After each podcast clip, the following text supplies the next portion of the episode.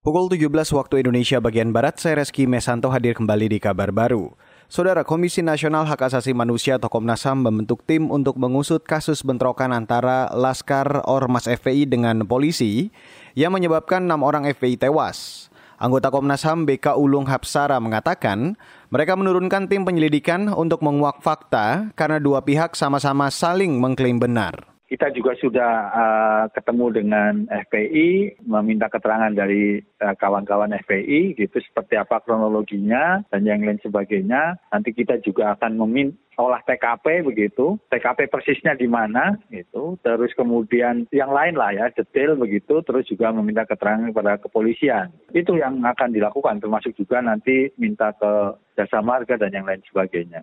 Itu tadi anggota Komnas HAM BK Ulung Hapsara. Sebelumnya terjadi bentrok antara Laskar Pengawal Pimpinan FPI Rizik Sihab dengan anggota kepolisian pada Senin dini hari lalu. Bentrokan di jalan tol Jakarta Cikampek kilometer 50 itu menyebabkan lima simpatisan FPI tewas ditembak. Polisi menyebut simpatisan FPI itu lebih dulu menyerang aparat dengan senjata api dan senjata tajam, sementara FPI membantah tudingan itu. Kita beralih ke informasi selanjutnya, Saudara. Kantor Istana Kepresidenan meminta masyarakat tidak khawatir terhadap penyelenggaraan pemilihan kepala daerah atau pilkada serentak pada Rabu besok.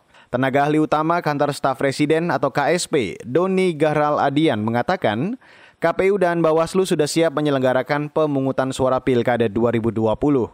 Doni mengatakan semua persiapan teknis hingga protokol kesehatan sudah dipersiapkan jauh hari, sehingga tidak ada yang perlu dikhawatirkan.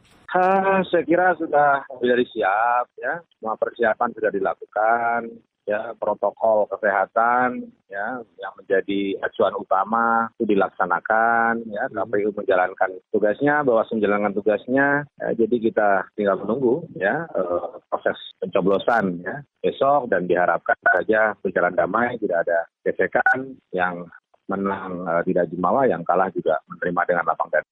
Tenaga ahli utama kantor staf presiden Doni Gahral Adian menanggapi kekhawatiran turunnya tingkat partisipasi masyarakat lantaran pilkada digelar di masa pandemi.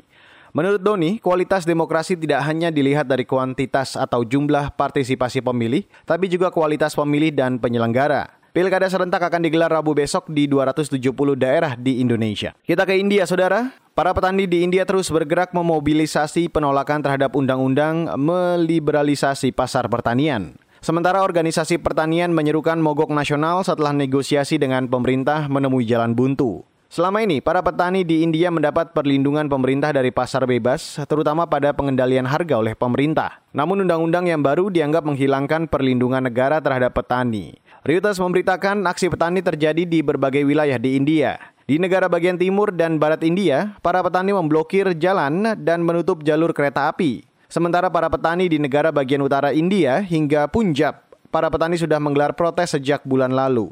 Mereka juga mendirikan kem-kem protes baik di dalam maupun luar kota. Demikian kabar baru KBR, saya Reski Mesanto.